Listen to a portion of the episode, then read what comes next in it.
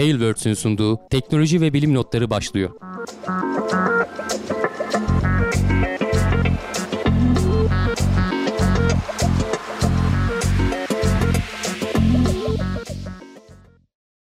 Teknoloji ve bilim notlarına hoş geldiniz. Ben Hamdi Kellecioğlu. Karşımda Cevdet Acarsoy var. Her hafta olduğu gibi teknolojinin ve bilimin gündeminde olan konuları sizler için derledik. Nasılsın Cevdet? İyisin. Sen de orada herhalde uçak geçiyor. O yüzden sesini kıstın. Ee, o zaman ben genel duyuruları yapayım. Ee, Teknoseyir'e abone olarak bize destek olabilirsiniz. Katıl butonuna tıklayarak desteğin seviyesini bir miktar daha arttırabilirsiniz. Aynı şekilde Gelecek Bilim'de de hem Twitch üzerinden hem YouTube üzerinden hem de Patreon üzerinden destek olabilirsiniz. Bu sayede bu tarz programların e, devamlılığını sağlarsınız ve bunun ve benzeri programları yapmamızı sağlarsınız. Geçti mi uçak Cevdet? Geçti. Açtım mikrofonu tekrar. Tam kusura bakmasınlar. Tam doğru yerde e, geçti. Değil mi? Tam başlangıç esnasında zaten biraz ses gelmiştir herhalde ilk açılışta. E, bayağı iç, evin içinde sizin uçaklar. Evet, bayağı yakın. Şimdi kargo uçakları geçtiği için e, onlar da tabii yüklü oluyor. Motor güçleri sona yakın kalkıyorlar. Ekstra göre bir bağırıyorlar diyorsun. Yük uçaklar oluyor. Motor sesleri daha fazla oluyor. E, bayağı bir hissediyoruz buradan. O yüzden kusura bakmasınlar. Cevdet Kule'den yayın yapıyor demişler. Onun gibi bir şey. Evet. E, hoş geldiniz diyelim. Bu hafta ilginç haberler var e, Hamdi abi. E, koronavirüsün genetik yapısının çok hızlı değişmediğini e, bulmuşlar. Bunu konuşacağız. Aşılar için iyi bir haber. Daha sonra arka arkaya SpaceX gibi, Blue Origin gibi, e, Virgin Galactic gibi ticari uzay firmalarıyla e, ilgili kararlar var e, Amerika nezdinde. Bunları konuşacağız. Daha sonra birazcık sinir bilim e, haberlerine geçeceğiz. Mesela nedir? E, komadaki bir hastanın komadan e, gerçekten komada mı? Bilinci ne kadar açık, ne kadar kapalı? Bununla ilgili muamma olan konular var. Belki de farklı hislerimizin e, buna çare olabileceğini e, bulmuşlar. Mesela koku testi gibi. Onun haricinde fazla temizlenmenin de zararlı olabileceğini konuşacağız. E, çiftlerin bir arada uyuması uyku kalitesini etkiliyor mu, değiştiriyor mu bundan konuşacağız. Bazı insanlarda afantazi denen çok değişik bir e, durum var. %2 ile %5 arası olduğu tahmin ediliyor. E, bundan bahsedeceğiz ve en sonda kuşların Everest'in zirvesinden daha yükseğe nasıl uçtuğunu anlatan bir e, evrim masalı mı diyeyim? Hani olmadı da şimdi ama bilimsel bir masal diyeyim. Evrim masalı değil, bilimsel bir masal dinleyeceğiz ama kötü anlamda masal değil, güzel anlamda masal. Hani yalan anlamında değil, değil güzel anlamda Mas- masal. Masal deyince biraz böyle atmasyon gibi oluyor ama evet. yazının tarzı öyle. Biz gerçi o şekilde anlatabilir miyiz bilmiyorum. Hani İngilizce bilenler mutlaka bence yazını kendisini okusunlar. Bayağı keyifli yazmış adam. Evet, aynen öyle. O zaman aynen konuşuruz öyle. o habere geldiğimizde. İstersen evet. önce bir kısa korona değerlendirmesiyle başlayalım. Ee, hı hı. Her hafta olduğu gibi. Aslında hani çok değişen bir şey yok geçtiğimiz haftaya göre. Ee, sınavlar vesaireler falan bitti. Onların daha sonuçlarını görmedik. Ama hani genel bir böyle dengelenmeye geldi gibi. Amerika'da falan tekrar vaka sayıları artıyor. Ee, hatta işte ikinci dalga mı geldi falan gibi şeyler konuşuluyor.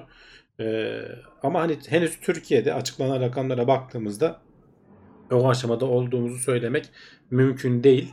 E, vaka sayılarında bir miktar artış var ama e, şurada bak hatta üstteki grafikte şunlar e, tespit edilen hasta sayısı. Hı. Yani onlarda şöyle yukarı doğru bir seyir var. Ama e, hasta sayısındaki artış yani biraz böyle dalgalı. Bu ayın başından beri şöyle baktığın zaman dalgalı bir şekilde seyrediyor. Ya aynı şekilde bu hayatını kaybedenlerde de e, hani bilmiyorum artık biraz nasıl tedavi edeceğimizi öğrendiğimizle mi alakalı ama o kadar yok. Ee, biraz böyle zaten ortalamalara falan baktığın zaman da hep yaşlı nüfusun yani büyük oranda yaş ortalamasının yüksek olanların hayatını kaybettiğini görüyoruz. Yani bu tarz şeylerde değişen bir şey yok. Ee, önümüzdeki günlerde bakalım takip edeceğiz. Temmuz ayı ile birlikte falan birazcık daha esnetilecek. Galiba tiyatrolar falan da açılacak. İşte düğünlere falan izin verilmeye başlanacak. Hı hı. Ee, sen işte Hollanda'dan kalkıp Türkiye'ye gelebildin artık uluslararası uçak vesaire falan yolculuklarına izin veriliyor. Nasıl da hani değişik bir şey var mıydı? Onu da belki hani merak edenler vardır.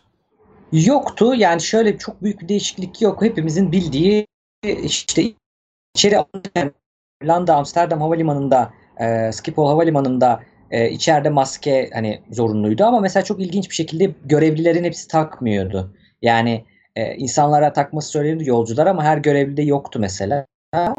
E, mesafeye çok dikkat ediliyor. Sıra çok bekliyorsun havalimanında. İşte pasaport sırası, güvenlik sırası, işte check-in sırası vesaire. Oralarda çok uçağa alınırken de çok mesafeli alındı, ateşe bakıldı vesaire ama onun dışında herhangi bir farklılık yoktu.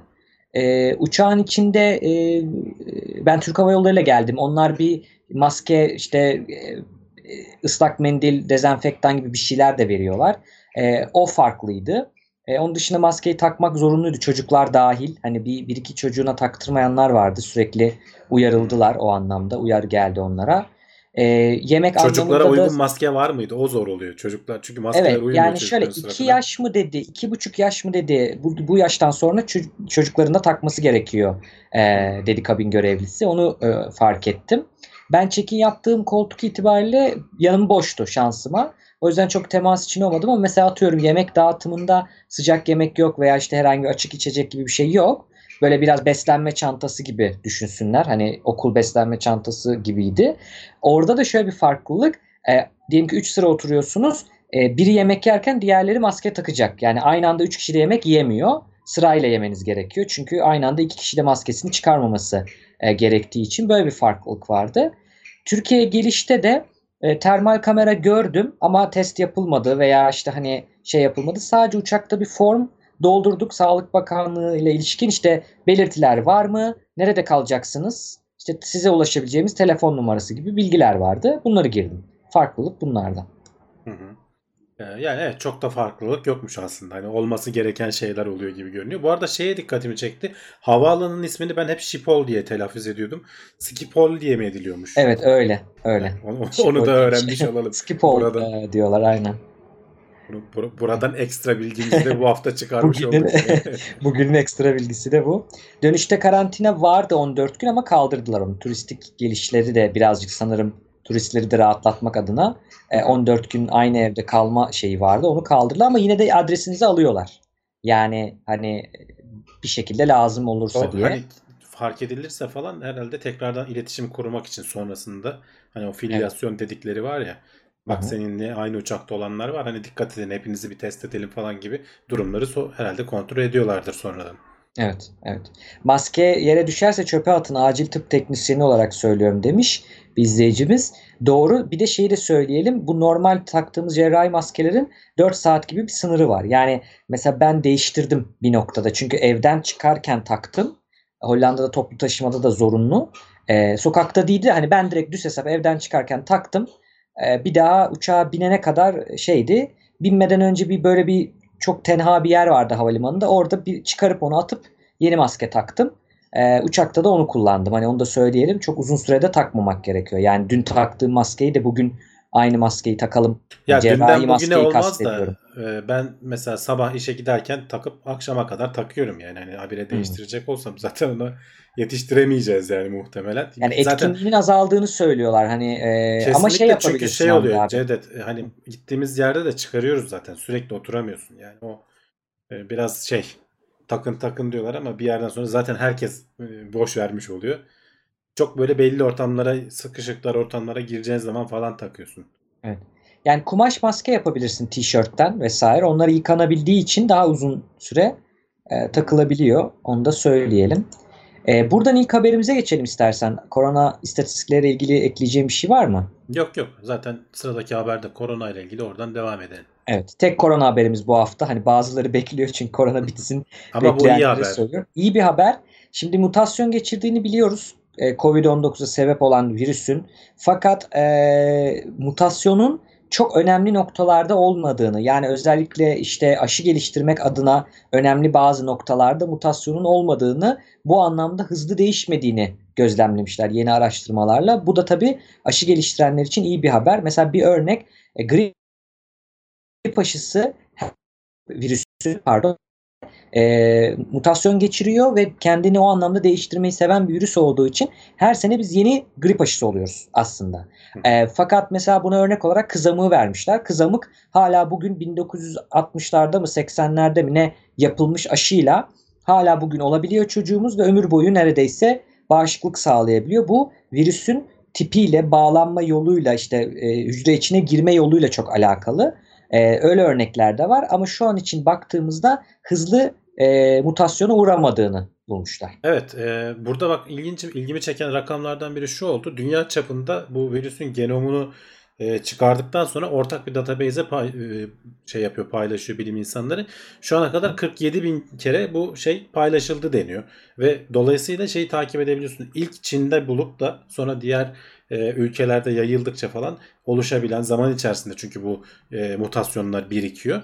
E, bunların miktarlarını takip edebiliyorsun. Nerelerde olduğuna bakıyorlar zaten. Senin de az önce dediğin gibi o korona e, isminin de geldiği o hücrelere bağlandığı en dış kısımda o böyle e, güneşin iplikçiklerine benzeyen e, isim de oradan geliyor Spike zaten. proteini mi diyorlar ona o çıkıntılara? Evet, evet. O çıkıntılar zaten aşılar da orayı hedef alarak e, üretiliyor şu anda. O çıkıntıları vücudun tanıyıp e, virüsleri etkisiz hale getirmesini.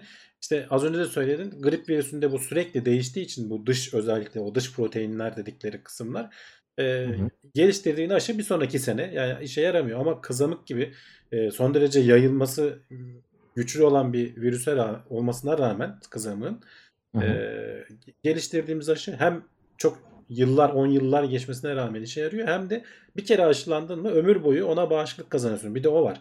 E, burada geliştirdiğimiz aşılar onu da uyarmış. E, ne kadar bize bağışıklık sağlayacağını bilmiyoruz çünkü data birikmiş değil elimizde. Yani Evet. aşıyı geliştireceğiz ondan sonra 3 ay mı bağışıklık sağlayacak, 6 ay mı sağlayacak, 10 yıl mı sağlayacak, e, yoksa ömür boyu mu olacak? Yani bu konuyla ilgili net bir verimiz yok. Ama Hı hı. en azından e, geliştirdiğimiz aşıya hemen e, değişerek bu virüs şey sağlamamış olacak, değişiklik sağlamamış olacak. Bu e, kendi üzerindeki hatta şey yapısı olduğunu söyler. E, bu değişiklikleri, mutasyonlara karşı e, koyma e, çeşitli al- algoritmaları var diyelim bu şeylerinde, virüslerinde, aynı insan Hı hı. hücrelerinde, DNA'larında vesairede olduğu gibi.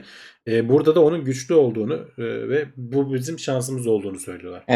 kendi DNA'sı değiştiğinde bunu fark edip hani error correction gibi hata düzeltme gibi bir sistemi varmış bu koronavirüslerinde. Hı hı. Bir anlamda hani iyi bir şey bizim için bir anlamda kötü. Hani daha dayanıklı yapıyor belki onu. Ne bileyim radyasyondan daha zor mu etkileniyor? İşte hani DNA bozulması. Tamamen şu an spekülasyon yapıyorum. Ama o anlamda belki zor ama bizim bu arada işimizi şey yapıyor. Çünkü aman değiştirme o DNA'yı. Çünkü ona göre Evet, evet. belki e, aşı yapacağım. E, hatta biz grip aşısında da şeyi konuşmuştuk Hamdi abi. Gripin de çok değişen noktalarının hepsinin ortak kümesini alıp çok değişmeyen ya da değişse de aynı kalan dört noktaya da etkili bir aşı düşünüyorlardı. Hani böyle ultimate en Evet, evet, yani nihai virüs Ev- grip aşısı evrensel gibi. grip aşısı Heh. diyorlar ona da hatta. Evet, evet. Dolayısıyla bu da var. Şimdi burada şeyi de söyleyelim yeri gelmişken. Dün biz e, Gelecek Bilim'de de Yalan Savar'ın e, kurucularından e, Işıl Arıcan'la, Doktor Işıl Arıcan'la bu komplo teorilerini, Covid-19'daki komploları konuştuk. Orada da söylediği bir şey var. Onu da hani aklıma geldi şu anda. E, bizim şu an yeni karşılaştığımız bir virüs. Evet birçok teknolojimiz var ama birçok bu anlattığın teknoloji bak 1960'taki aşıyı kullanıyoruz. Yani çok zaman oldukça, veri oldukça çok daha iyi tanıyoruz. Şu an biz bu virüs evet SARS var, MERS var, başka bir sürü korona ailesinden e, virüs var ama bu farklı. Bunu anlamakta zaman alacağız. Bu çünkü bazı insanlara çok ters gelebiliyor. Yani nasıl buna bir aşı bulunamadı hala? Nasıl ilaç bulamadık? Biraz e, bilimi çok aciz göster- gösteriyor bu bakış açısı. Evet bir anlamda aciz bilim ama beklemediğimiz bir şey değil. Yani buna bilim insanları şaşırmıyor bulamamamıza. Buna bilimi çok bilmeyen e, ne bileyim aşı araştırmasını, ilaç araştırmasını çok bilmeyen insanlar şaşırıyor. Onun için söylüyorum. Hani şaşılacak bir şey değil bu e, bilim insanları tarafından bakıldığında. Onu da söyleyelim. Çünkü çok yeni karşılaştığımız bir durum ve e, dediğin gibi bağışıklık ne kadar sığacak? Aşıyı bir bulalım, test edelim, bir Evet. görelim. Hani zaman zaman olmadan bunlara cevap veremiyoruz bu sorulara. Evet. Bu arada izleyicilerimizden Metehan şey demiş. Koronavirüs çıktığından beri veterinerlerin fikri hiç sorulmadı demiş. Ee, hani sen veterinersen istersen kulis bölümünde Hayır sorduk. Ee, sorulmadı değil. ekstra konuşalım yani. Biz sorduk hemen buradan şey yapıyorum ama biz Ahmet Koluman hocayla e, Profesör Doktor Ahmet Koluman hoca e, de profesör onunla biyoterörizm yayını yaptık. Bir de hızlı test geliştirme, kit testleri anlamında. Orada korona da geçti. İşte hayvanlardan bulaşan virüsler, zoonotik virüsleri konuştuk. Kanalımızda bulabilirsiniz onu söyleyelim. Ama hani genel olarak evet hani e, sanıyorum bilim kurulunda bir veteriner varmış diye biliyorum. Yanlış bilmiyorsam. Ama dediği gibi olması lazım hayvandan bulaştığı için. evet, sorulması evet. lazım. Evet buradan uzaya çıkalım. Korona bu kadar arkadaşlar. Hani rahat rahat olun. Koronadan e, sevmeyen arkadaşlar için. Buradan uzay haberlerimize çıkalım. E, Amerikan Uzay Kuvvetleri vardı. Ben bunu çok net hatırlıyorum çünkü Teknoseyir Stüdyo'ya konuk olduğum e, zaman konuşmuştuk. Bunu 2-3 yıl evvel konuşmuştuk. E, Trump yeni gelmişti o zaman. O kurduruyordu işte bu e, Space Force diye. E, bu Amerikan Uzay Kuvvetleri'nin şimdi ya da askeriyesinin SpaceX'in tekrardan kullanılabilir roketlerine sıcak bakmaya başladığı ile ilgili haberler geldi. Nedir bu Hamdi abi? Ne demek oluyor? Evet, e, aslında konuşacağımız hani uzayla ilgili 3 haberde aslında aşağı yukarı aynı konuları farklı farklı kuruluşlarla falan anlatıyor. E, ilkiyle başlayalım. E, uzay gücü dediğin gibi Amerikalıların e, çeşitli işte GPS uyduları veya başka casus uyduları vesaire falan bunlar eskiden hava kuvvetlerine bağlıydı. Herhalde şimdi bir kısmı uzay kuvvetlerine geçti ki haberin konusu ondan bahsediyor.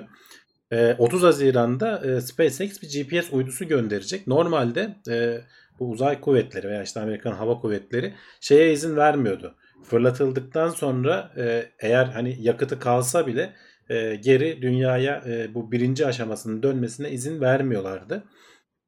Halbuki aslında ne olacak ne kaybedecekler bilmiyorum ama artık ona en azından kendi ufak tefek şeylerini değiştirmek değiştirmeleri gerekse bile yani uydunun yerleşeceği kısmı bir miktar değiştirmeleri gerek, gerekmesine rağmen onun önünü açmışlar. Dolayısıyla 30 Haziran'da bu GPS uydusu fırlatıldıktan sonra e, birinci aşama Falcon 9'un birinci aşaması dünyaya geri dönecek ve iniş sağlayacak. Bu, bu şeyin yolunu açıyor diyorlar. Henüz ne zaman olacağı falan belli değil. Bu e, casus uyduların vesairenin falan bunlar nispeten pahalı uydular oluyor zaten. Ee, onların fırlatılmasında hep şey şartını koşuyorlar. Mutlaka sıfır üretilmiş. Hani daha önce kullanılmamış Hı. roket motorları vesaire. Bizi ikinci el roketle yollamayın. Güvenmiyorlar yani. Evet gü- diye güvenmiyorlar herhalde. ama işte artık onun önünü açacağı söyleniyor. Ee, pek çok zaten haberde de ondan bahsetmişler. Hani SpaceX'e yani böyle bir sürü 400'den fazla falan hani çekincemizi belirten bir rapor hazırladık. Bunların tek tek hepsine cevap verildi. Hatta kendi sistemlerindeki geliştirmeleri yapıp işte bizim sorularımızın %40'ını bir anda toparladılar gibisinden hmm. bir açıklama yapıyor yetkili. Sonrasında onlar e, biraz işte kendi sistemlerinde ufak tefek değişiklikler yapmışlar. En sonunda hani bir şekilde ortada buluşulmuş. Çünkü maliyetleri çok düşürecek. E, bu tarz bir şeyin kullanılabiliyor olması. Önümüzdeki e, hemen kısa vadede değil. Muhtemelen hala o kendini kanıtlaması gerekecek ama mesela buradaki bak istatistik aslında bence bayağı kanıtladı. Hani 86 tane fırlatma yapılmış şimdiye kadar. Bunlardan 47 tanesinin birinci aşaması dünyaya geri başarıyla inmiş. Tabii ki hala başarısız olanlar vesaireler var. Bunlardan bir kısmı 3 kere 4 kere tekrar tekrar kullanıldı e, uydu göndermek e, için. E, yani bu SpaceX emin adımlarla bu şekilde evet. ilerliyor diyebiliriz. Aslında SpaceX için de ya da böyle firmalar için de bu e, verilen 400 tane nokta vesaire bunlar çok kıymetli. Yani o evet. çünkü test yaptırmak da bu noktaları bulmak da bir maliyet bu tarz firmalar için. Hatta Elon Musk'ın bir e, şeyinde röportajında bu şeyi soruyorlardı. Büyük bu Starship var ya metanla giden, metan hmm. kullanılma vesaire. Burada işte bir eleştiriler falan vardı. Hani diyor ki yani biz bunu aklımıza bu geldi lütfen varsa söyleyin çok da mutlu olurum. Hani hemen de işe alırım falan gibi böyle şeyi vardı e, söylemleri vardı. Çok önemli. O 400 tane nokta belki askeriyenin ne bileyim kıllıkları da olabilir ya da çok önemli noktalar da olabilir. O anlamda da SpaceX kendini geliştiriyor. Bundan sonra başka iş yapacağı şimdi bir tek Amerika'nın askeriyesi yok. Başka dünyadan da askeri firmalar kullanabilir. O yüzden çok büyük bir gelişme aslında bu bu açıdan baktığımızda. Bu bir. İki de bir yandan askerinin buna sıcak bakması şeyi de gösteriyor. Demek ki geriye inme ihtimali daha doğrusu geriye inme ihtimali değil de e, ikinci kez kullanılan roketin e, sağlam bir şekilde uçacağına güvenlerinin e, bağımsız bir yer tarafından da artması dediğin gibi elini kuvvetlendiriyor SpaceX. Tabii yani sonuçta e, dedik ya bunlar pahalı uydular işte casus uydusu olsun vesaire hani böyle gizli görevler bazen açıklamıyorlar bile ne fırlatıldığını hatta bazılarında yayına bile izin vermediler. Ne olacak ki zaten roketi Hı-hı. görüyorsun bir şey de görmüyorsun aslında ama geçmişte böyle SpaceX fırlatmaları olmuştu. Ee, çok sık olmasa da. Ee, işte bunun hani ciddi bir kurumun sana onay vermesi özel sektör açısından da hani kendini kanıtlanmış olmak açısından da önemli bir şey. Bir, bir nevi sertifikasyon gibi bir şey aslında. Evet. Evet. Evet.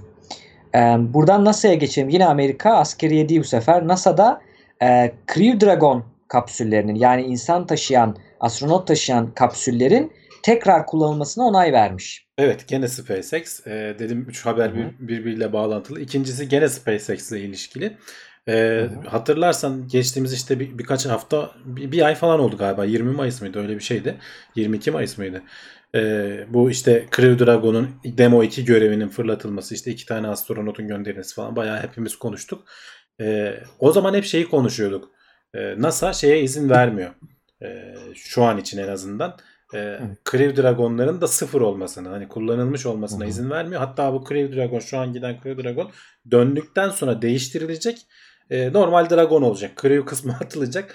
Kargo Evet, taşımak yük taşımaya için izin veriyor muydu? Tabii Ona yük veriyordu taşıma- galiba. Tabii tabii yük taşımaya izin veriyor. Şimdi e, artık her şeyin hani düzgün gittiğini görüyor ki anladığım kadarıyla. E, çok kısa bir süre içerisinde. Şimdi demoyu demo 2'yi birinci uçuş sayarsan şimdi önümüzdeki birkaç ay içerisinde Crew 1 uçuşu var. E, sonra da Crew 2 de belki e, tekrar kullanılmış şeye izin vereceğiz diyorlar.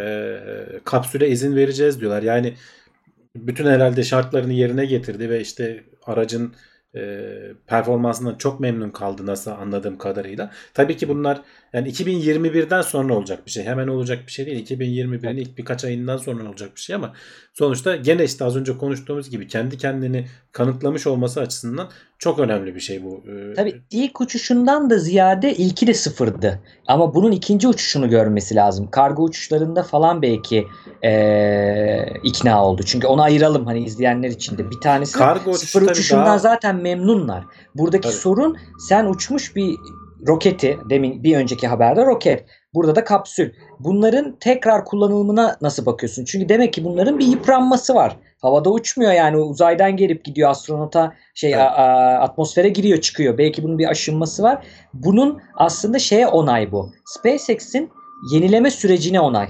Yani alıp kullanılmış bir şeyi doğru yenileyebildiğine onay vermiş Evet oluyorlar. yani aslında hani tekrar kullanım dediğimiz zaman orada yanlış anlaşılmasın.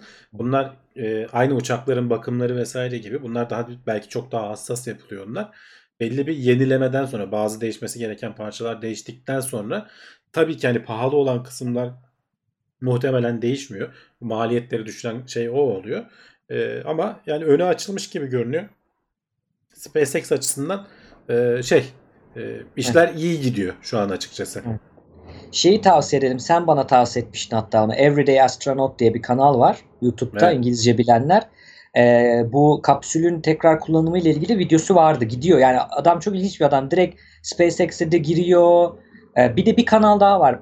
Smarter Everyday diye. Hmm. O da öyle bir adam. O da şeye girdi. United Launch Alliance var ya bu. Asıl bizim çok konuşmadığımız ama çok da Amerika'nın büyük bir firması. Bu daha böyle Tabii. Şimdi çok büyük roketler üretiyor. Hani Ay'a gidilen neydi o Satürn 5 ayarında büyüklükte roketlerle uğraşıyorlar. Onların direkt fabrikasına girdi. Yani yasak noktalara falan girdi. CEO'suyla arkadaşlar zaten. Böyle kankalar Ya şey de öyle Everyday Astronot da Twitter'dan öyle habire Elon. Musk'la konuşuyor adam. Yani birbirlerine mesaj attılar ve şey yaptı.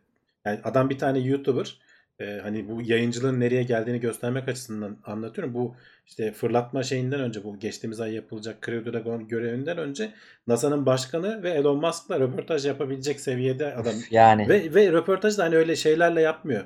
Büyük kamera ekipler falan bildiğin iPhone'larla falan yapıyor adam. Hani evet. e, Kendi de söylüyor ya nasıl olabiliyor hani CNN'in ekibi yanda böyle işte cihazları görüyorsunuz falan bir yandan yayını kesildi bilmem ne falan hani bu YouTube yayıncılığı falan bayağı ciddi yerlere gelmiş durumda.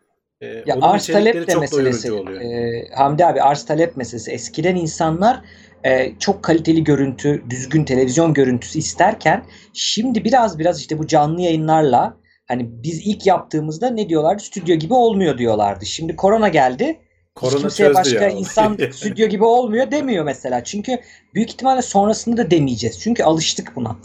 Özellikle canlı yayınlarda. Ee, birazcık arz talep meselesi. İnsanlar o kadar kaliteyi talep etmiyor. Ama CNN vesaire kanallar belli bir yere girdikten sonra artık e, standardını geriye getiremeyeceği için ne bileyim işte o arabayı götürüyor oraya. O belki 25-50 milyarlık kameralarla daha da pahalı kameralarla işte ekipmanlarla çekim yapıyorlar. Ve açıkçası baktın Hamdi abi daha iyi soru da soramıyorlar ha. Yani daha Tabii canım, böyle tabii. YouTuber'lar vesaire geçen işte Cüneyt Özdemir'in yayınlarında da gördüm. Hani onlar da söyledi. Kendi de çünkü Cüneyt Özdemir de televizyonda program yapmış, hala yapan biri. Diyor ki mesela televizyonda olsa bu soruyu soramayacaktım diyor. Ya da böyle eğlenemeyecektik diyor bu konu üzerine falan. Hani yayıncılığın çok başka yerlere gelmesi konusunda. Ya bir de şey E, düşün haklısın. Cevdet biz hani diyoruz ya bazen gazetecilerde işte bilim editörü yok vesaire falan diye. Bu adam kendini buna adamış durumda. Yani hani Evet. hakikaten şeyi biliyor adam. SpaceX'in o Raptor 9 motorunun ne ayrıntısı var. Bütün bunları oturmuş öğrenmiş. Hangi yakıt kullanılır ne avantajlı. Yani adam neredeyse bir mühendis kadar bütün ayrıntılarına vakıf. Hı. Dolayısıyla hem sana güzel anlatıyor bunu. E, iç hazırladığı içerikleri yolluyor. Hem doğru soruları da sorabiliyor dolayısıyla karşısında Evet. e, muhatabını bulduğu zaman. Zaten Elon Musk'la şey yaptılar. Bir işte o röportajların demin verdiğim örnek ondanmış. Şimdi hatırladım. Bu şeyle ilgili hani hatamızı göstersin muhabbeti. Hı. Şey e, belli bir yer yaptı. Sonra dedi ki tamam şimdi kapatın dedi. E, iPhone'a geçildi orada işte hani kamerayı kapattılar. Ben burada kendi zevkim için biraz soru soracağım dedi ve şeyi tartıştılar Elon Musk'la. Elon Musk da sonuçta mühendis ya. Sonuçta SpaceX'in baş mühendisi o. Şeyi tar- tartıştılar işte o ne derler e, roketin işte nozülünün genişliği onun bir oranı varmış işte hani geçiş oranı vesaire. Böyle teknik detaylar falan tartıştılar adamla. E, o da çok ilginçti. Tavsiye edelim o kanalı. Onu ve Yani Smart ve. Everyday ikisini Ee, de. SpaceX'in baş mühendisi falan deyince hani adam böyle Twitter'da fazla yazıyor falan biraz böyle lavvali falan e, ta- takılıyor. Şey zannediyoruz ama hayatını anlatan kitapta bu ilk SpaceX'in dikey roket inmesi konusunda falan yaşadıklarını falan okursan e, daha bu teknoloji dü- dünya üzerinde yokken adam Rusya'ya gidiyor. Ruslarla falan anlaşmaya çalışıyor. Hı hı. E, yanına da bu NASA'dan falan ayrılmış galiba veya işte böyle bildiğimiz büyük firmalardan birinden ayrılmış. Boeing olabilir. Bir mühendisi alıyor. Adam şey diyor şaşırdım diyor. Yani o kadar hazırlanmış, o kadar konuya hakim e, şeyi biliyor ki diyor. Yani roket sistemi nasıl çalışır, neler yapılabilir falan. Hani benim kadar biliyordu diyor. Ben hani yıllardır Evet. bu işin içerisinde mühendis olarak gidip şey yaptığım halde ve bunu devam ettiriyor adam hala. E, hakikaten Twitter'da sorulan sorulara direkt çat diye cevap veriyor. Hı hı. Canlı Ee, yayında sorunca da cevap veriyor. Hani Twitter'da danışıyor falan desen de öyle değil. Canlı yayında soruyorsun adam ben hani daha denk gelmedim açıkçası bilmiyorum dediğinde her şeye cevap verebiliyor. Yani e, teknik bilmesi bir CEO'nun, yöneticinin e, teknik tarafında yapılan işi bilmesi daha doğrusu. Her işte bu var. Yani bazen çok finansal insanları, yönetim bilen finansal insanları getiriyorlar ama yönettiği fir- firmanın içeriğini, işini bilmiyor. O da sıkıntı yaratıyor işte bazı yerlerde görüyoruz. Buradan bir sonraki habere geçelim istersen. sonraki habere geçelim bizi linç edecekler Elon Musk'ı övdük diye. Çok övdük diye. Evet. Can abi olsa bizi dengelerdi birazcık. Evet. Ee, o dengeli o konuda. Spaceflight şeye gelelim. Spaceflight Now sitesinden yine e, NASA'nın tabii yine şöyle bir fikri var. Şimdi e, yörüngeye işte götürebilmek için Starliner e, şeyi var. Boeing'in kapsülü var. E, o da deniyorlar hala. SpaceX yaptı. işte bunu anlattık. Yani bu noktada gelişmelerimiz var. Artı Ay'a gitmekle ilgili işte Gateway projesi vesaire uzak roketlerle ilgili var. Ama şunu da unutmayalım diyorlar. Yörünge altı. Yani suborbital yörünge altı roketler veya araçlar, uçaklar değil. Hani noktasında da NASA böyle bir alt departman açmış. Bir divizyon açmış oraya ve diyor ki burayla ilgili de çalışmamız lazım. Neden? Çünkü bazı deneyleri işte mikro e, yer çekimi ortamında, düşük yer çekimi ortamında yapmak için ya da bundan para kazanmak için işte turistik vesaire e, illa yörüngenin dışına çıkmana gerek yok. Yörünge altı uçuşlarla da bunları sağlayabiliyorsun. Şimdi bunu yapan firmalara birazcık e, destek çıkmaya, onlarla anlaşmaya başlamış NASA. Yani dev- devlet e, kuruluşu olarak endüstrinin önünü nasıl açıyor? Adım adım aslında biz de görüyoruz yani. E, işte SpaceX'i destekledi vesaire falan. Hani kendisi üretip şey yapmak yerine bir yandan öyle ilerleyen projeleri de var ama belki de sonlandırılacak. Bu SLS'ten falan bahsediyorum. Orion kapsülünden bahsediyorum. Ama işte SpaceX'in önünü açıyor, Boeing'in önünü açıyor. Bu haberde anlatılan da e, Virgin Galactic'te Blue Origin, e, Jeff Bezos'un firmasının e, onların e, fırlatma sistemleri biliyorsun ISS'e varacak kadar veya işte yörüngeye girecek kadar sofistike değil. Onun üzerine çalıştıkları başka projeler falan var. Ama şu an hani daha çok turistik amaçlı. Şimdi NASA da diyor ki biz bazı şeyleri biliyorsun hani bu filmler vesaire falan yer çekimsiz ortamda çekilmek istendiği zaman işte bir uçak kaldırılır. O belli işte böyle parabolik e, şey izler, bir rota izler.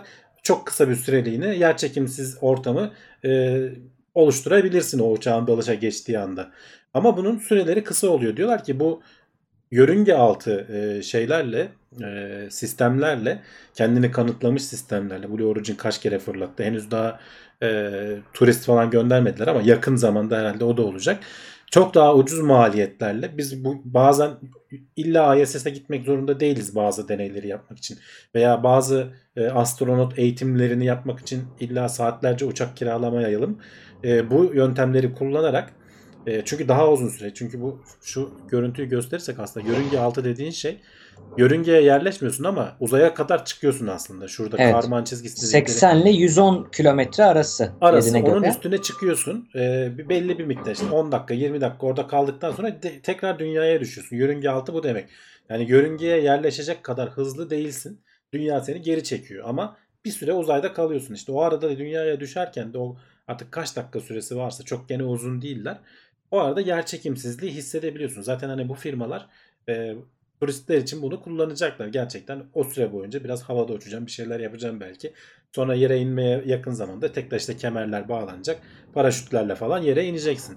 Nasıl Evet. da diyor ki biz bunları kendi amacımız için de kullanabiliriz. Bunun bunlar e, yörüngeye çıkmaktan daha bir nebze olsun daha güvenliler. Tabii ki gene riskleri var kendi içerisinde ama tamamen yörüngeye çıkmaya göre çok daha az riskler içeriyorlar. Hı hı. E, bunları değerlendiren bir senin de az önce söylediğin gibi bir alt e, şey kurmuşlar. Muhtemelen gelecekte oralara da özel sektöre de destek almak amacıyla Evet. Çeşitli görevler verecekler. Bu önemli bir şey. Yani ben bunları benim rakibim e, bunlar yapmasın demiyor. Tam tersine onlar yapsın. Ben de ar- ar- satın alırım diyor yani. Hatta şimdi mesela burada bu Blue Origin'in bu şeyiyle veya Virgin Galactic'le bir işbirlikleri yok ama şeyi de söyleyelim biz mesela hep diyoruz ya SpaceX, SpaceX vesaire. Halbuki sadece SpaceX değil. Yani o e, Crew Dragon'un geliştirilmesinde uçuşları da NASA'nın da çok büyük katkıları var. Yani e, geliştirilmesine direkt ne bileyim fikir veriyor, bir şeyini paylaşıyor. Tabii tabii mühendislik Ee, desteği Para- de yani veriyor sadece doğrudan. para vermiyor aynen yani biz sadece fonlamıyor NASA onu söyleyelim dolayısıyla e, ya da işte Boeing'in Starliner'ında daha çok hadi onlar öne çıkarılıyor birazcık ama neden mesela şuradan dikkat edin SpaceX'in giden roketin üzerine NASA'nın adı vardı. Yani kocaman o e, solucan dedikleri logosu vardı yani bunu reklam için sırf koymadılar. Onların da e, tabii ki yani teknolojiyi direkt onlar geliştirmedi ama yol üzerinde çok büyük katkıları oldu. Burada da benzer işleri belki işte Blue Origin'le veya Virgin Galactic'le yapmayı düşünüyorlar. E, bu ilginç e, bir durum. Evet. Evet. Uzay haberlerimizi de tamamlamış olduk herhalde böylece. İstersen sıradaki habere geçebiliriz. Bir ses geliyor demiş Murat abi. Bizim yine e, evin yanında inşaat var. Kusura bakmayın arkadaşlar. Bir uçak bir inşaat. Ben hızlı hızlı konuşup mikrofonumu mute'layacağım. Bak bir Şimdi- izleyicimiz şey demiş. Eğer RTX ekran kartın varsa Nvidia'nın e, çok güzel bir ses kısma teknolojisi geliştirmiş. evet. Hakikaten yani ne yaparsan yap senin sesinden başka bir şey çıkmıyor ama herhalde her ekran kartı falan desteklemiyordur onu. Onu uyum, Yani RTX kartım yok. Hani normalde de ihtiyacım yok. Yayın için e, olursa kullanırım ama yok yani onu söyleyeyim. Biliyorum yoksa o sistemi. Şimdi e, şöyle bir haberle devam edelim. E, bir e, komadaki bir hastanın, bilinci kapalı bir hastanın e, tekrardan bilincinin açılıp açılmayacağını, daha iyileşip iyileşmeyeceğine ya da cidden e, ne kadar bilinci kapalı yani komada ama ne kadar komadayı e, koku duyusuna yani bir şeyler koklatarak anlamanın yolunu e, bulmuşlar bu araştırmada. O yüzden çok çok ilginç bir araştırma. Ondan önce ben bir araştırmadan da bahsetmek istiyorum aslında. Hemen şuraya linkini buldum. Biz bunu Leiden'da ben psikoloji dersine girerken bunu derste anlattık. Yani ders müfredatımızın parçasıydı bu. Burada şöyle bir şey yapıyorlar Hamdi abi. E, komadaki hastalarda şöyle bir sıkıntı var. E, sana tepki veremiyor ama anlıyor da mı veremiyor yoksa hiç anlamadığı için mi vermiyor? Hı. Yani bunu anlayamıyorsun, bunu bilemiyorsun. Sıkıntı var. E, burada şöyle bir deney yapmışlardı. Hastalara söylüyorlar sesle. Diyorlar ki yani evet diyeceğin zaman e, tenis topuna vurduğunu hayal et. Hayır diyeceğin zaman da evde yürüdüğünü hayal et gibi bunu eğitiyorlar iyicene. Ondan sonra bunun e, fMRI'ye sokuyorlar. E, yani beyin aktivitesini canlı görebildiğimiz bir makineye sokuyorlar öyle söyleyeyim. Bu beyin görüntüleme sırasında bazı sorular soruyorlar. Ve evetse bunu düşün, hayırsa şunu düşün diyorlar. Ve daha önceden bunlar aslında tamamen komada cevap veremezler diye düşünülen hastaların %40'ına yakını falan şey çıkıyor. Cevap verebilir çıkıyor. Bilinçli çıkıyor Çünkü- yani. bilinçli çıkıyor. Hareket ettiremiyor, ses yapamıyor ama seni duyuyor ve beyninde sadece düşünerek sen de onun şeyi bilebiliyorlar beyinde. Hani hareket ettiğinde, hayal ettiğinde ne oluyor, yürüdüğünde ne oluyor aşağı yukarı. Çünkü birbirinden uzak noktalar seçiyorlar beyinde bu iş yani şeyler için, görevler için. Bunları hayal ettiğinde cevap verebildiğini buluyorlar ve bu bayağı bir kökten değiştirmişti bu noktayı. Onları mesela neyi değişiyor biliyor musun Hamdi abi? E, fişini çekip çek, çekmemek mesela. Kendi söyleyecek artık. Bir Değil önce Yani daha önceden şey. başkası onun e, fişini çekme kararı varken artık o evet hayırı verebildiği için sadece düşünerek fMRI'da onun legal e, hukuki statüsü bile değişiyor. Şimdi bu şey de ilginç. E, bu haber de ilginç. Burada da şey düşünmüşler. Biz hep işte ses versin, elini hareket ettirsin falan gibi bakıyoruz ama şunu biliyoruz ki çok e, temel olarak bizim insan insanlar insanların şöyle bir e, koku hissi var ve koku hissi genelde direkt olarak beyne bağlanan, e, direkt olarak e, arada çok fazla aracı bölgelerden geçmeyen, direkt bağlanan bir yerdir. Hatta bununla ilgili örnek şudur. Bazen kokular size direkt olarak anılarınızı çağrıştırabilir. Direkt aynı anı yaşarsınız Hande. Belki başına gelmiştir. Tabii hani tabii. Bunun sebebi aslında e, hafızayla direkt eşleşiyor. Arasında senin işleyeceğin bir nokta yok. Mesela görselde böyle değil. Gör- görmek için direkt ham e, gör- görüntü sinyalinin ya da e, nöronal sinir sinyalinin arasında işleniyor. Ba- Başka yerlerden geçiyor biz algılayana kadar. Kokuda böyle bir şey yok. Bunlar da demişler ki kötü koku birine koklattığında otomatik olarak yüzümüzü buruştururuz. Şöyle bir iğrenme hareketi yaparız. Bu evrenseldir. Bunun da sebebi aslında koku şeyini kapatmak. Burun nefes yolunu kapatmak. Şöyle yaptığın zaman burnunu direkt kapanır orası. Evrimsel olarak orayı kapatıyorsun. Zehirli bir kokuysa almanı engelliyor. Mesela bir. iki de eee, ya da daha az nefes alırsın. Refleks olarak. İyi bir koku duyduğunda da daha çok duymak için daha derin nefes alırsın. Derin derin Evet, bunu biliyoruz. Daha derin. Mesela bir kahve kokusu çok sevdiğim bir kahve bir daha böyle içine çekersin falan gibi. Aynı şeyi şöyle denemişler. Bu komadaki hastaların e, burunlarına böyle bir şeyle takıp resmi var e, görüntüde. Takıp bunu buraya belli kokular e, dinletmişler. Şimdi beynindeki kokulara baktığında bu e, boru aslında şeyi de ölçüyor. Ne kadar bir güçle nefes aldığını, nefes alışverişi derinleşti mi, arttı mı, azaldı mı bunu da görebiliyorsun. Bu sayede onu denemişler ve hastaların bazılarında daha da komada olduğunu düşündüğün hastaların çoğunda %37.5'miş hatta. Hastalarda şey oluyor. e, direkt olarak e, tepki veriyor. Kötü kokuyu az kokluyor, iyi kokuyu daha derinden çekmeye başlıyor. Bu çok ilginç bir bilgi baktığımızda. Bir izleyicimiz demiş ki şu anda mesela orada çalışan kamyonu hafızamda canlandırabiliyorum demiş. Birazdan aslında bahsedeceğiz. Bunu canlandıramayanlar da var. Bir sonraki haber galiba. Sıradaki haber değil de bir sonraki haber. Takipte kalsın. Ee, şey Murat şeyi sormuş bu saatte inşaat yapılır mı diye. Valla 7-24 yapılabiliyor yani. Ee, izinlerini alırsan değil mi? Yetişmesi gerekiyorsa. Evet, evet. Yani Hollanda'da da aslında benim oturduğum e, şey yol biraz aktif bir yol. E, ama denk gelmiyordu yani pencereyi falan kapatıyordum. Şimdi tabii sıcaktan kapatamıyorum. O yüzden Ee, öyle bir durum oldu. Evet bu şekilde bu haber ilginç. Hani e, neden ilginç onu söyleyelim. İlk defa bulduğumuz bir şey. İlk defa bilinen bir şey ve aslında komadaki hastalarla çalışmadıysanız yakınınızda yoksa sizin için çok önemli olmayabilir. Hani biraz psikoloji veya sinir bilim araştırmalarını biz halka anlatırken basitleştirdiğimizde şöyle bir şey oluyor Hamdi abi. E tamam biliyoruz ama biliyoruz değil. Benim tahmin etmemle olmuyor. Burada kanıt var. Direkt veri tabii, olarak tabii canım. bunun çalıştığını gösteriyoruz. Yani ölçülüp, ölçülüp gerçekten işe yarayıp yaramadığını göstermen lazım ki sonradan da tekrar edilebilsin ki bir faydası olsun. Evet. evet. Buradan şeye geçelim. Acaba biraz fazla mı duş alıyoruz? Ya da dünya diyeyim. Türkiye için demeyeyim de Türkiye'de şikayetçi olanlar var ama hani genel olarak insanlar biraz fazla mı duş alıyor? Bunu sormuş bazı araştırmacılar. Ya evet aslında hani bu hijyen anlayışımız hani söyledik ya son böyle 100 yılda falan özellikle geçen hafta mı konuşmuştuk sabunun tarihini nasıl üretildiğini vesaireyi falan.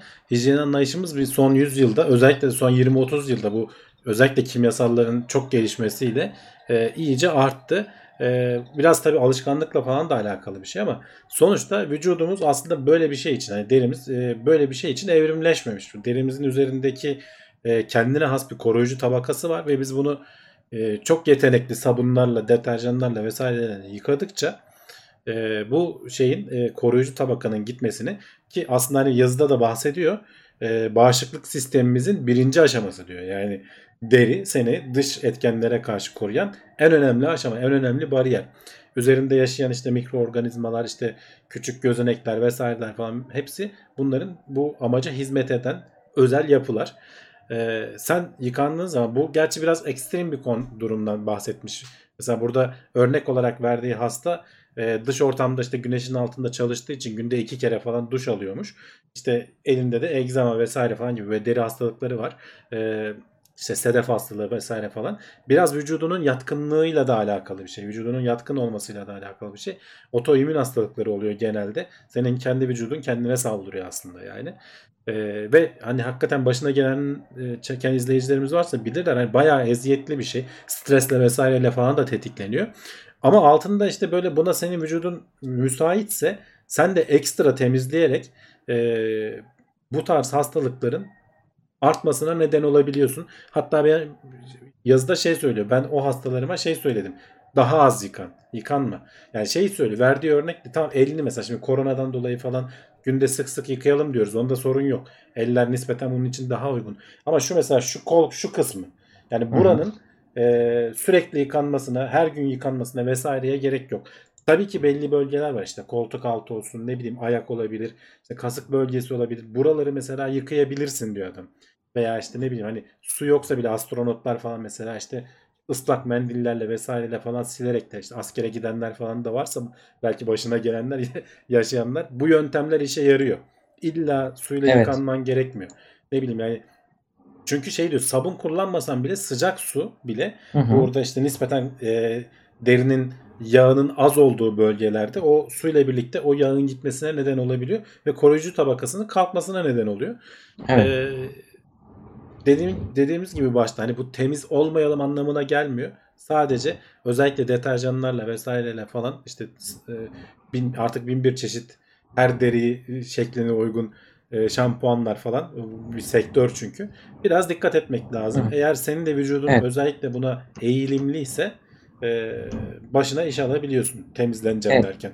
Yani biraz da bu işte e, ilk çıktığında koronada e, çok fazla mesela benim elim egzama olmuştu el yıkamaktan. Çünkü çalıştığım hastanedeki sabunlar e, hastane sabunu dediğimiz yani farklı bir içeriği oluyor sanıyorum onların. E, bütün yani şeyler biz orada değildik yani biz araştırma noktasındayız ama bütün hepsini aynı firmayı kullandıkları için o sebepten benim elim cidden egzama olmuştu ve sadece kendime oluyor zannediyordum. Sonra web sitesinde bir gördüm hani bütün çalışanlar için şu kremi alın eliniz egzama olur çok yıkamaktan falan diye demişti. Hem yani bu çok oluyor, yıkıyorsun bir de şey yapıyorsun bak endüstriyel Hı. anlamda düşün. Çok Hı-hı. yıkıyorsun. Yıkadıktan sonra bir de nemlendirici satıyorsun aynı adama. Çünkü tabii, tabii. Nem, nemi gitmiş oluyor. ne güzel bir şey değil mi aslında? Evet. Yani sektör olarak yani, düşünürsen. Birazcık o temizlik algısının e, iyi bir yerde. Çünkü bu temizlik algısı sayesinde hastalıklar çok azaldı. insan ömrü çok arttı. E, bu sabunun yani konuştuk hani daha evvelden. Çok önemli bir noktası yeri var. Fakat Buna rağmen e, fazla da olmaması gerekiyor. Çünkü işte e, derinin üzerindeki bakterileri de öldürüyor senin dediğin gibi. Bak. Bu anlamda çok önemli e, işte. şey. Burada tabii Hamdi abi hafta ya günde iki kere yıkananları kastediyor birazcık da. Hani böyle yani çok çok da az yıkanın zaten okeydir diye bir şey demiyoruz kesinlikle ama buradaki bahsedilen her gün işte günde iki kere falan yıkanan ya da yıkandığında sürekli işte bu ürünleri kullanan e, kişilerden bahsediyor. İşte haberde mesela diyor ki yani önemli daha çok kirlenen noktalar belli vücudumuzun. Hani buraları sabunla yıka. Diğerini dediğin gibi mesela işte elinin ön kısmı ne bileyim hani sıcak su bile geçse oradan okey tamamdır diyor yani. Ee, bir yandan da şey de söyle bak az önce bu hijyen şeyiyle falan pek çok hastalıklar azaldı diyorsun ama mesela deri hastalıklarının arttığı söyleniyor. Yani bu şeylerle hmm. birlikte işte. Ee, biraz da tabii diğer anlamda şeyden de bahsetmiş. Çocukluk çağında özellikle işte böyle tozla, toprakla vesaire fazla oynarsan e, hem işte alerjik şeylerden falan azalmış oluyorsun. E, vücudunun o bağışıklık sisteminin aşırı tepki vermesini önlemiş oluyorsun. E, astımdı vesaireydi. Çünkü bu egzeması, sedefi vesaire falan olanların astım yatkınlığı da daha fazla olduğu söyleniyor. E, bunlar hepsi birbirine bağlı şeyler. Evet, yani biraz evet. biraz pislenmekten korkmamak da lazım. Hani onu e, fazla evet. aşırı e, kafaya takmamak lazım gibi. Genel Genelde olarak, işte astımla ilgili de öyle bir, bir şey teori aslında. var. Yani çok çok temiz ortamda büyüyen çocukların e, astıma daha yatkın olduğu ile ilgili teoriler de var. Yani kesin olmamakla birlikte. E, dediğin gibi doğru. Çok aşırıya gitmemek lazım. Yani temizlikte de kirlenmekte de aşırıya gitmemek lazım diye orta yolu bulayım. E, bu arada camı kapattım. İnşallah ses azalmıştır. Böyle bir savaş açtım sese karşı. İnşallah düzelmiştir. Şimdi buradan öteki habere geçelim. Bu da sen bayılıp gitme de. Evet yani bilmiyorum. Çiftlerin e, bir arada uyuması e, uyku kalitesini arttırıyor mu? Bu bayağı Hamdi abi aslında hani sen ben evli değilim. Sen evli bir insan olarak söyleyebilirsin. Hani bir arada uyumak için kimisinde de belli bir yıldan sonra da böyle e, uyuyamayan işte sen dönüyorsun beni uyandırıyorsun. Yok öteki horluyor şöyle oluyor falan böyle noktalar da çok çıkıyor. Bunu artık araştırmacılar yıllar araştırılan bir nokta. Demişler ki biz buna bir nokta koyalım aslında. Buna bir son kararı verelim Ya, demişler. gen- genç çiftlerde falan pek böyle bir sorun olmuyor. Orada başka böyle beklentiler olduğu için bir yandan. Hı hı. Ama yaşlandıkça özellikle mesela benim babaannem, dedem vesaire falan ayrı yataklarda yatarlar. Mesela bana garip Hı. gelirdi. Hani annemler öyle değil. Onlar daha yaşlılar niye öyle falan. İşte rahat olması için. Çünkü hakikaten e, yaşlandıkça biraz böyle hastalıklar falan da artıyor. Uyku, uyku uyumak zorlaşıyor, güçleşiyor. Bir kere uyandın mı uykun kaçıyor falan. Öyle dertlerle şey yapıyorsun. İşte ne bileyim horlama falan gibi hani başka başka türlü şeyler, rahatsızlık verici şeyler olabiliyor. Ama dediğin gibi önemli bir şey sonuçta bunu araştırmışlar. Gerçi biraz hani yazının sonunda da bahsediyor. Denek grubu biraz küçük. Ee, çünkü Evet. yapılması zor bir araştırma değil mi? Yani insanların e, uyku hallerini takip etmek, o arada neler yaşıyorlar, işte derin uykuya geçtiler mi, ne kadar süre oldu vesaire falan. Bunları takip etmek. Hele bir de çift Yani halde tek o- tek de değil daha da zor. Polisonograf deniyor. Polisonograf deniyor galiba. Polison, polisonografi tabii. Polisonograf deniyor ona. Yani hem kafana iyice elektrotları takılıyor. işte hep başka şeyler e, nefes alışverişin her yerden bağlanıyorsun. Yani mesela o araştırmaların en büyük zaten e, nasıl diyeyim yanılgı noktası zayıf karnı o araştırmaların e, şudur. Çok fazla üzerinde ekipmanla uyuyorsun. Yani bunun Evet. nasıl her gün yatağında uyuduğunla aynı olduğunu Bir varsayabiliriz. kere Varsayamıyoruz orada. Kendi yatağında da olmuyorsun. Laboratuvar ortamına gidiyorsun. Yani tamam, Tabii, bir de o var, gibi evet. böyle şey değil. Hani tezgahın üstünde uyutmuyorlar seni. Tabii ki Hı hı. bir yatağın İyi üstünde yataklarda. yatakta uyuyorsun falan ama sonuçta evin değil. Bir rahatsızlık bir ortam var. Ama hani sonuçta ellerinden geldiğince kontrollü deney yapmaya çalışmışlar burada. Ee, 12 tane çift almışlar. Ee, bunların e, iki hafta boyunca 4 gün e, galiba e, hem tek tek yatırmışlar hem işte bir birlikte yatırmışlar ve sürekli de takip etmişler. E, hani deneyin sonunda ortaya çıkan şu e, çiftler özellikle de birbirlerini seviyorlarsa hepsini anket falan da doldurtuyorlar. Hani o günkü hisleri birbirlerine karşı olan Belki o gün hislerini falan. küs, küsle, küstüler Belki falan. evet yani o da Evet. olabilir. Sonuçta sonuçları etkiler. Anketler falan da doldurtuyorlar. Hı. birbirlerini daha çok seven çiftler birlikte uyuduklarında derin uykuları %10 daha uzun oluyormuş. Ve Hı hı. e, uykularının senkronize olduğu bu hani belli bir uyku döngüsü vardır ya işte derin uykuya girersin REM dedikleri o kısım. Özellikle işte hani e, beyin sağlığımız için çok önemli olduğunu söylerler. Hı hı. Ee, onun daha uzun olması daha çok dinlenmen anlamına geliyor. Daha uyandıkta daha kendini e, dinlenmiş hissederek uyanıyorsun vesaire falan gibi şeyler Hı hı. söylüyorlar. Ama az önce söylediğimiz gibi hani e, zor bir e, şartlar altında yapılan bir deney. Çok da sonuçları Evet. e, bir şey ifade etmeyebilir. Evet. Yani e, şey ilginç. Dediğin gibi mesela Ali Gündoğar da sormuş hani biyosensörlerle yapılabilir mi? Şimdi bu hani normal bizim bu işte Mi bantlardaki falan gibi değil. Direkt e, araştırmada kullanılan profesyonel uyku ölçerler de var. Hani aktivite ölçerleri de var, saatler. Ama onlarla da bile doğru veri al- alamayabiliyorsun çoğu zaman evde olsa da. O yüzden aslında hani hepsinin bir artısı eksisi var araştırma anlamında. Ama dediğin gibi ilginç bir bilgi. Hani e, eğer ge- yaşınız yani diyor ki araştırmanın sonunda yaşınız gençse 18 ile 29 arasındaysa sağlıklıysanız e, heteroseksüel bir e, çiftseniz o da önemli çünkü Bu onlarla yapmışlar onlar araştırma. yapılmış. Evet. Evet. Bunlar varsa e, bir arada uyumaktan çekinmeyin diyor. Yani ikinizin de sağlığı için iyi diyor. Ama hani o anlamda bir cevap veriyor. Ama tabii ki çok az dediğim gibi 24 kişiyle yapılmış olması, e, laboratuvarda yapılmış olması. Bir de bunlar zaten bir arada uyuyan insanlar. Hani ilk defa bir arada uyumaya başlamak da değişiklik getiriyor. Dolayısıyla bunlar da var. Yani aslında ya ben özet Cevdet olarak şey kimse diyebilirim. şey yapmaz yani. Hani araştırmacılar böyle dedi diye birlikte Hadi uyumaya uyuyalım. ayrı uyuyalım de, diyecek değiller yani herhalde de. Yok e, Avrupa'da diyebilirler Hamdi abi. Hani ha, orada ciddiye alıyorlar söyle- diyorsun ya. Yani araştırmayı değil de ne bileyim hani böyle bir kavgalar duymuştum ben de çünkü. Ama özet olarak şunu söyleyelim. Yani bir arada uyumak da ayrı uyuma hani ayrı uyuyorum işte beynime zararla daha az REM uyuyacağım. Öyle bir şey yok. Hani onu söyleyelim yani. Ee, ikisi arasında büyük ha- hala bu araştırmada dahil ikisi arasında büyük bir farklılık yok. Onu söyleyelim. Çünkü uyku çok yönlü bir durum.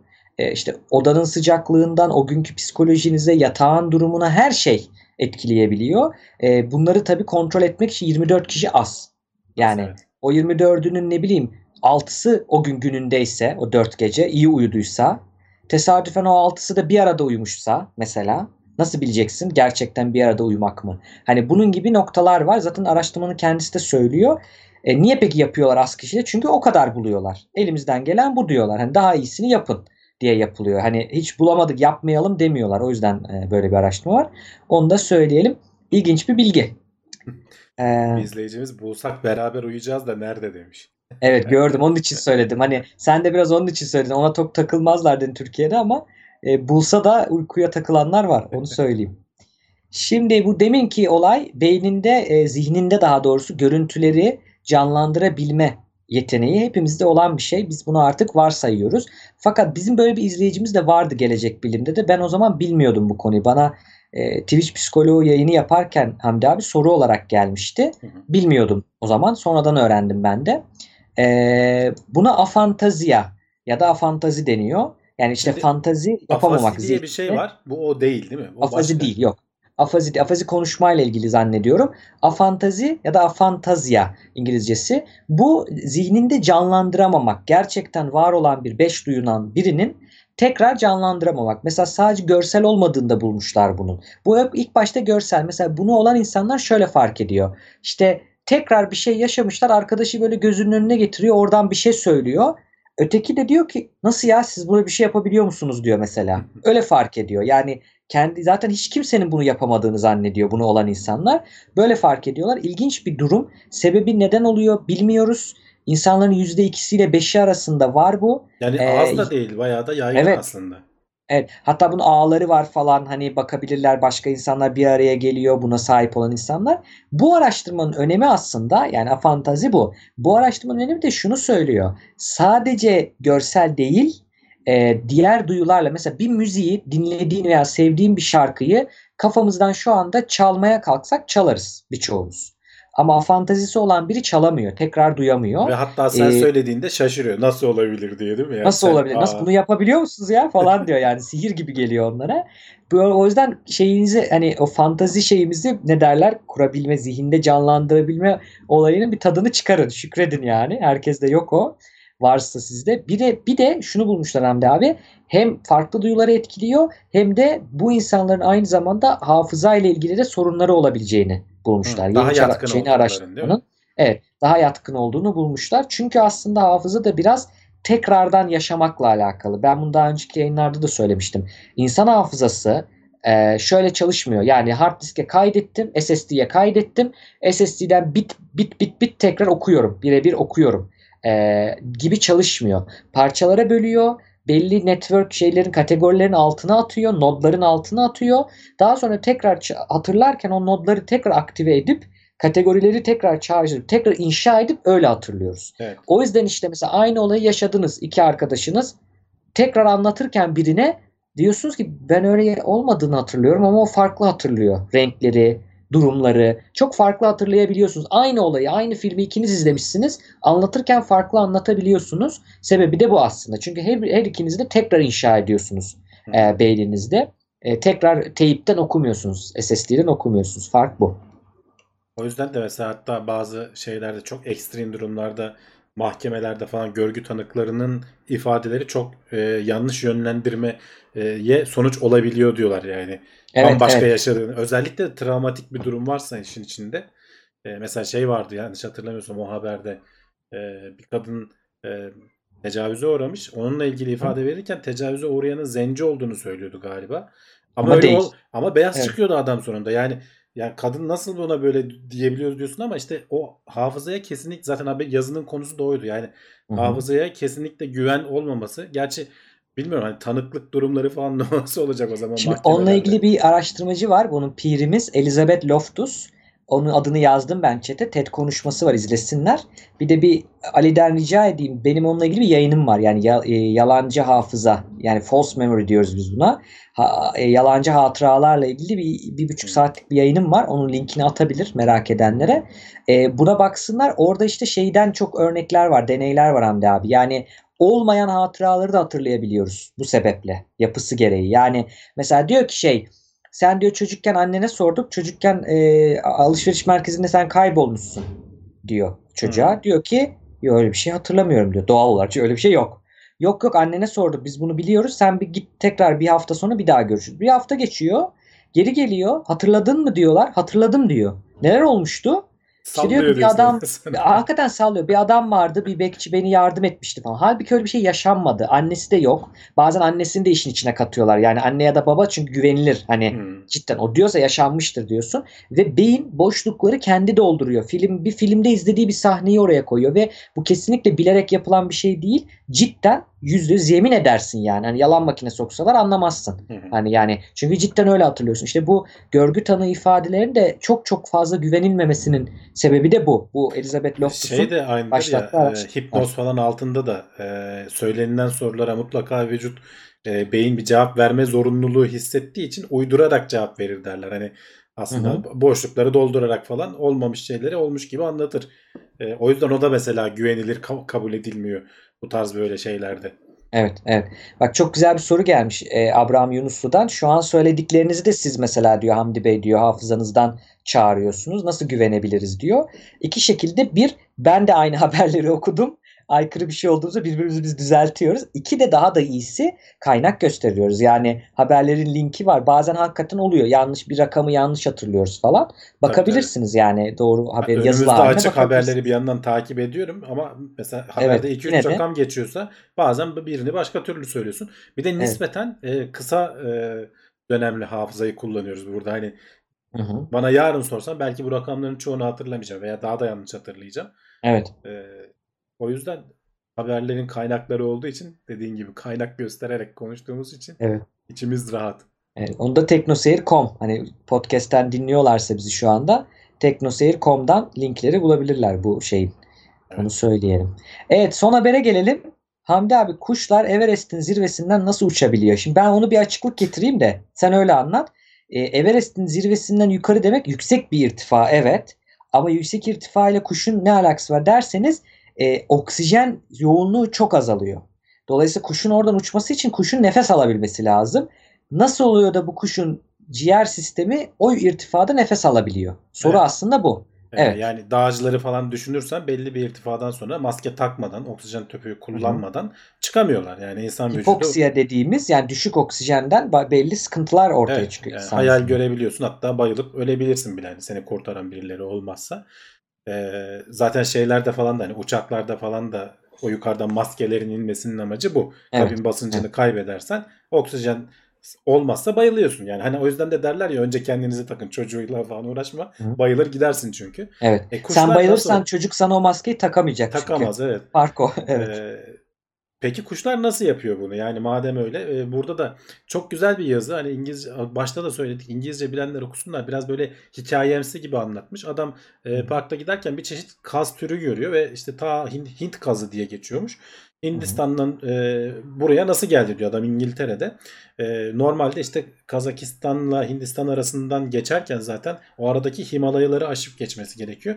Bu türün bazı e, e, bu, bu kuşun bazı zamanlarda 28 bin feet'te falan yani işte Himalayaların Everest'in en yüksek noktasından daha da yüksek mesafelerde, yüksekliklerde görüldüğü e, de raporlanmış. Nasıl oluyor da oluyor. Ve şey diyor hani evrim nasıl oluyor da kuşlara bu şeyi e, bu ciğer yapısını e, şey yapıyor. Kıyak geçiyor değil mi? Kıyak geçiyor veriyor.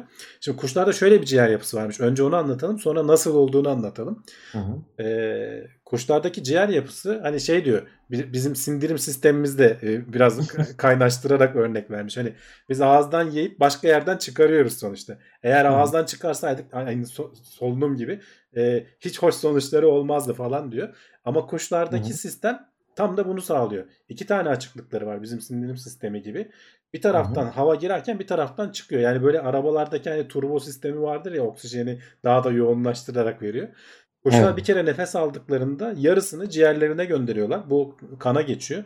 Diğer Hı-hı. yarısını şeyde saklıyorlar. O vücutların içinde bulunan boşluklarda işte açıklıklarda Hı-hı. saklıyorlar. Sonra nefes verirken o açıklıklarda saklananlar ciğerlere gidiyor. Ee, ve ciğerdeki olan kirli hava da dışarı atılıyor. Sonra tekrar nefes aldığında gene iki katı alıp bir kısmını ciğere verip e, kirli havayı şey. Yani böyle bir e, bir çeşit hani ön bellek, bir tampon bellek gibi bir sistem Hı-hı. oluşturmuş hayvanlar. Dolayısıyla hani oksijen miktarı az bile olsa vücutlarını ki uçmak hani bayağı enerji gerektiren bir şey bir şekilde hı hı. bunu sağlamayı başarıyorlar. Zaten amaç oksijeni yoğunlaştırmak, bir yere toplayabilmek. Hani jet motorları nasıl o zaman o irtifada yanıyor? Yanma oluyor. Yanma olması için oksijen lazım önden toplayıp sıkıştırıp bir yere toplayabilmek zaten e, şey marifet orada. Kuşun da yaptığı o aslında birazcık dediğin evet. gibi. Peki kuşlara nereden gelmiş dersen hani bizim hep söylüyoruz Hı-hı. ya kuşlara dinozorlardan geliyor. Çünkü kuşların atası dinozorlar. Dinozorlar evet. yok olmadı. Kuşlara dönüşerek aramızda yaşıyorlar şu anda. Ee, bunda evrimsel olarak hani pek çok e, şeylerle kanıtı var diyebiliriz artık. Peki dinozorlara nereden geliyor? Şimdi bunun bir hikayesi Hı. var geçmişten. Ta aslında bitkilerin karaya çıkmasından başlayarak yaklaşık 450 milyon yıl önce e, bütün canlılık şeyler denizlerdeyken e, bitkiler, hayvanlar vesaireler yavaş yavaş ilk bitkiler karaları ya burada boş e, ortam varmış e, buraları kullanalım diyerekten kendilerini e, karaya atıyorlar ve hı hı. E, bu bitkiler tabii ki ilk başta odunsu gövdeye sahip değiller. Çünkü suyun içerisinde sen şeyi taşımak zorunda değilsin. Kendi ağırlığını taşımak zorunda olmadığın için çok böyle hı hı. E, ince dokulu bitkiler uzun mesafelere yükselebiliyorlar. Güneşin ışınlarını falan rahat alabiliyorlar. Hı hı. Ama karaya çıktıkları zaman kaldırma kuvveti olmadığından yer çekiminin etkisiyle işte bu ilk başta hatta belki biyolojide falan hatırlarlar eğrel totları vesaireler falan Hı-hı. gibi. Yani küçük böyle otsu e, belki hani çalılık cinsi e, şeyler çalı bile değil yani. E, bitkiler uzunca bir yosunumsu süre böyle yani yosunumsu, yapışık evet, oraya. E, uzunca bir süre bunlar şey yapıyor. Ama güneşten yeterince yararlanabilmek için rekabette öne geçebilmen için diğer bitkilerden biraz dikine Hı. yükselmen lazım. Bunu nasıl sağlıyorlar? Lignin denilen geçmişte konuşmuştuk e, şeylerde. E, selülozla birleştiğinde bu odunsu yapıyı veren, bitkilere odunsu gövdeyi veren bir şey evrimleşmesi gerekiyor. Bu evrimleştikten sonra artık gövdeler başlayıp hatta artık çok büyük ağaçlar işte yani 100 metreye kadar belki daha yüksek e, yüksekliklere ulaşabilen o odunsu gövdeler mümkün olabilir hale geliyor. Hı hı. E, ama bunun şöyle bir yan etkisi oluyor. Şimdi o devirde o zamana kadar işte bakteriler vesaireler işte e, öle, ölen bitkileri yiyip tekrar doğaya karıştırabiliyorlardı. Ama bu lignin denilen malzemenin yapım yapım aşamasından sonra bunu tüketecek bakteri bulunamıyor. O dönemde evrimleşmemiş. Bitkiler öldükçe ne oluyor? Ee, birikiyorlar. Öldükçe ne oluyor? Birikiyorlar. Karbonifer dediğimiz şu anda bizim kullandığımız kömürün, petrolün vesaire falan geldi. Geçmişteki e, çağlardan biri bu. Bu karbon e, biriktiren anlamına geliyor zaten. Evet karbon, o gövdeler hep karbon olarak. Hepsi evet yani birleş, birikiyorlar e, üst üste. Zaten çünkü atmosferdeki karbon hani fotosentezi düşünürsen bitkiler karbonu alıp e, enerji üretip vücutlarında barındırıyorlar işte kendilerini büyütüyorlar. Sonra ama öldükten sonra bunu tekrar atmosfere salacak bir yapı olmadığı için atmosferdeki oksijen miktarı bir anda çok hızlı yükseliyor. Şu anda mesela %21 seviyelerinde e, oksijen Hı-hı. miktarı. %30'lara falan hatta biraz daha %35'lere kadar falan çıkıyor. Ee, burada şöyle bir risk var aslında.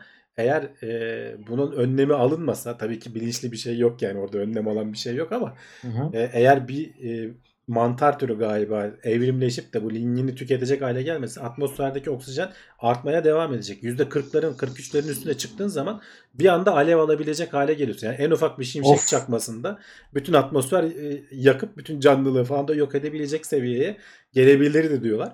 Hı hı. E, biliyorsun oksijen çok tehlikeli bir şey. Hatta Apollo 1 galiba mürettebatını e, oksijen zengin ortamda olduğu için üçü de yanarak hayatını kaybediyor. E, NASA'nın tarihindeki hani en vahim e, kazalardan biridir. Hı hı. Bütün atmosfer boyunca bunun olma ihtimalini düşün.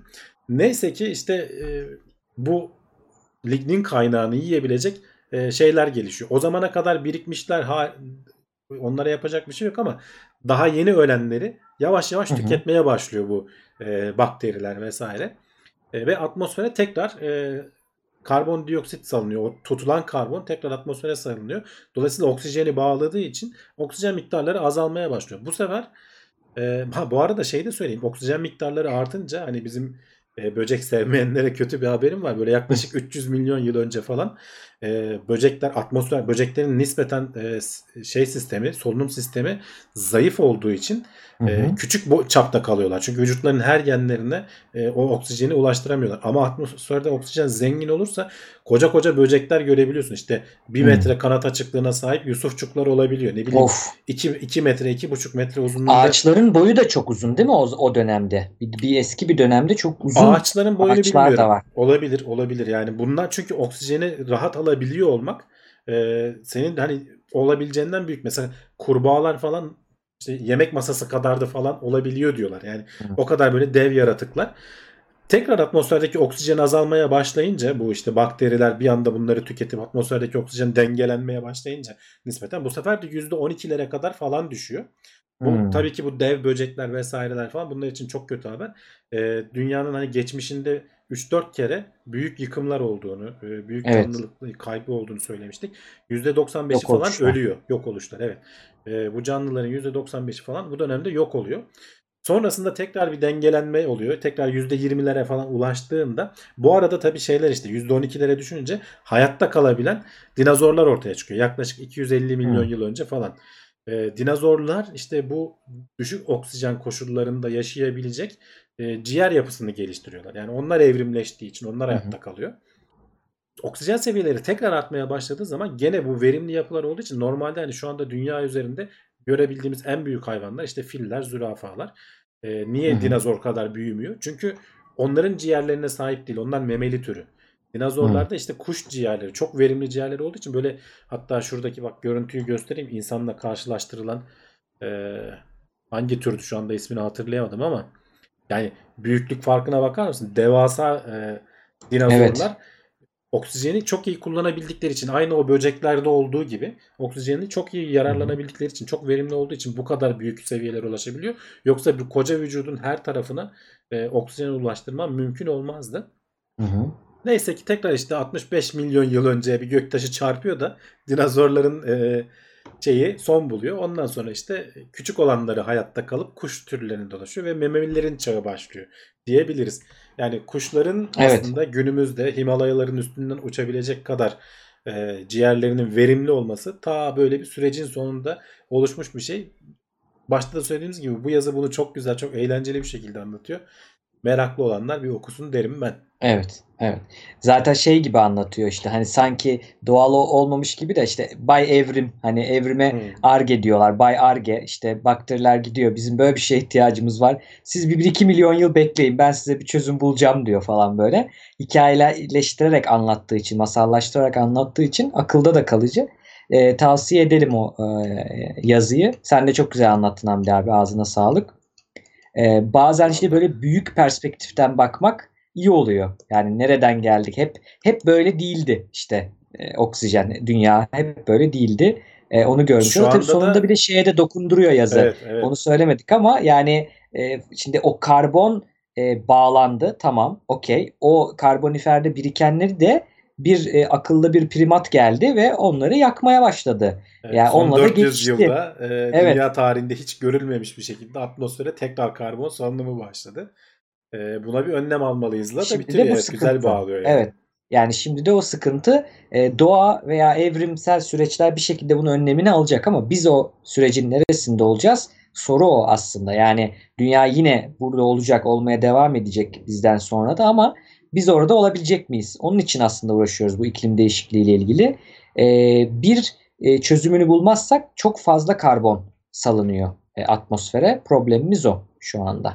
Evet yani daha e, yenilenebilir kaynaklar işte güneş enerjisi vesaireydi falan böyle şeylere geçmezsek bu şekilde yapmaya devam edersek hani başımızın belada olduğunu biliyoruz. Her ne kadar hani e, çeşitli siyasi söylemlerle vesaire falan buna karşı çıkanlar olsa da özellikle Amerika'da falan e, bu bir gerçek. Hani bunu pek çok bilim insanı şey yapıyor. Evet. Ama Ya alabiliyor şeyi de- muyuz? Önlem alabiliyor muyuz dersen alamıyoruz. Yani nasıl ne olacak bilmiyorum açıkçası.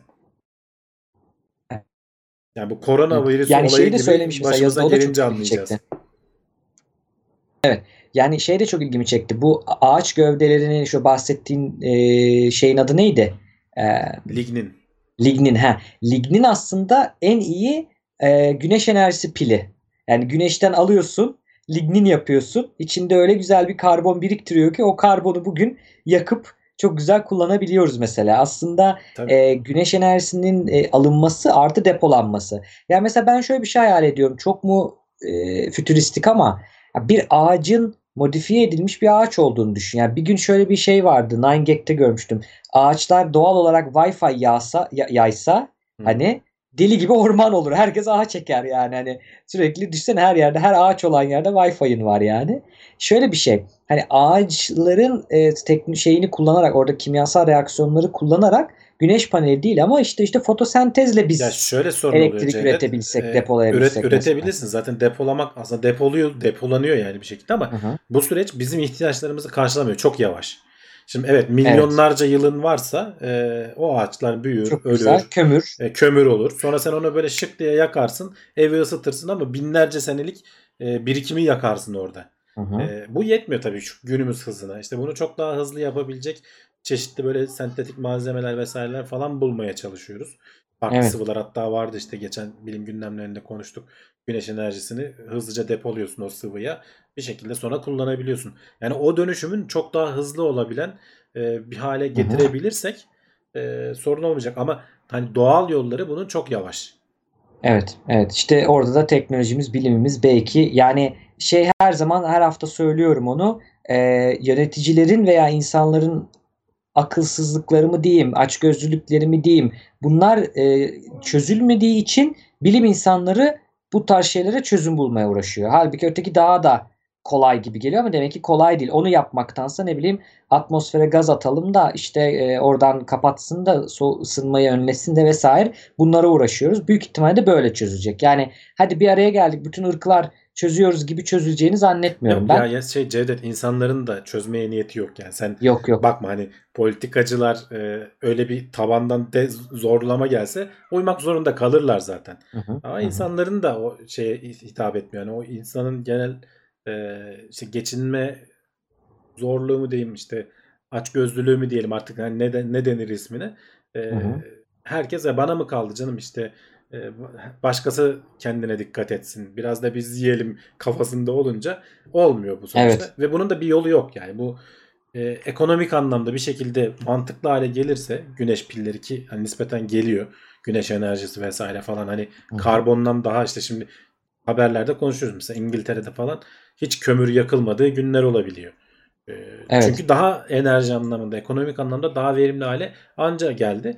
Belki yani bir ihtimal insanlık e, direkten dönecek e, Evet. iyimser tahminle ya da golü yiyeceğiz yani bilmiyorum bakacağız.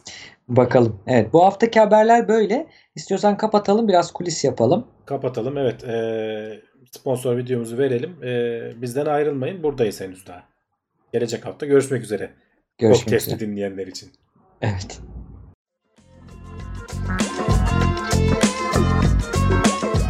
Tailwords teknoloji ve bilim notlarını sundu.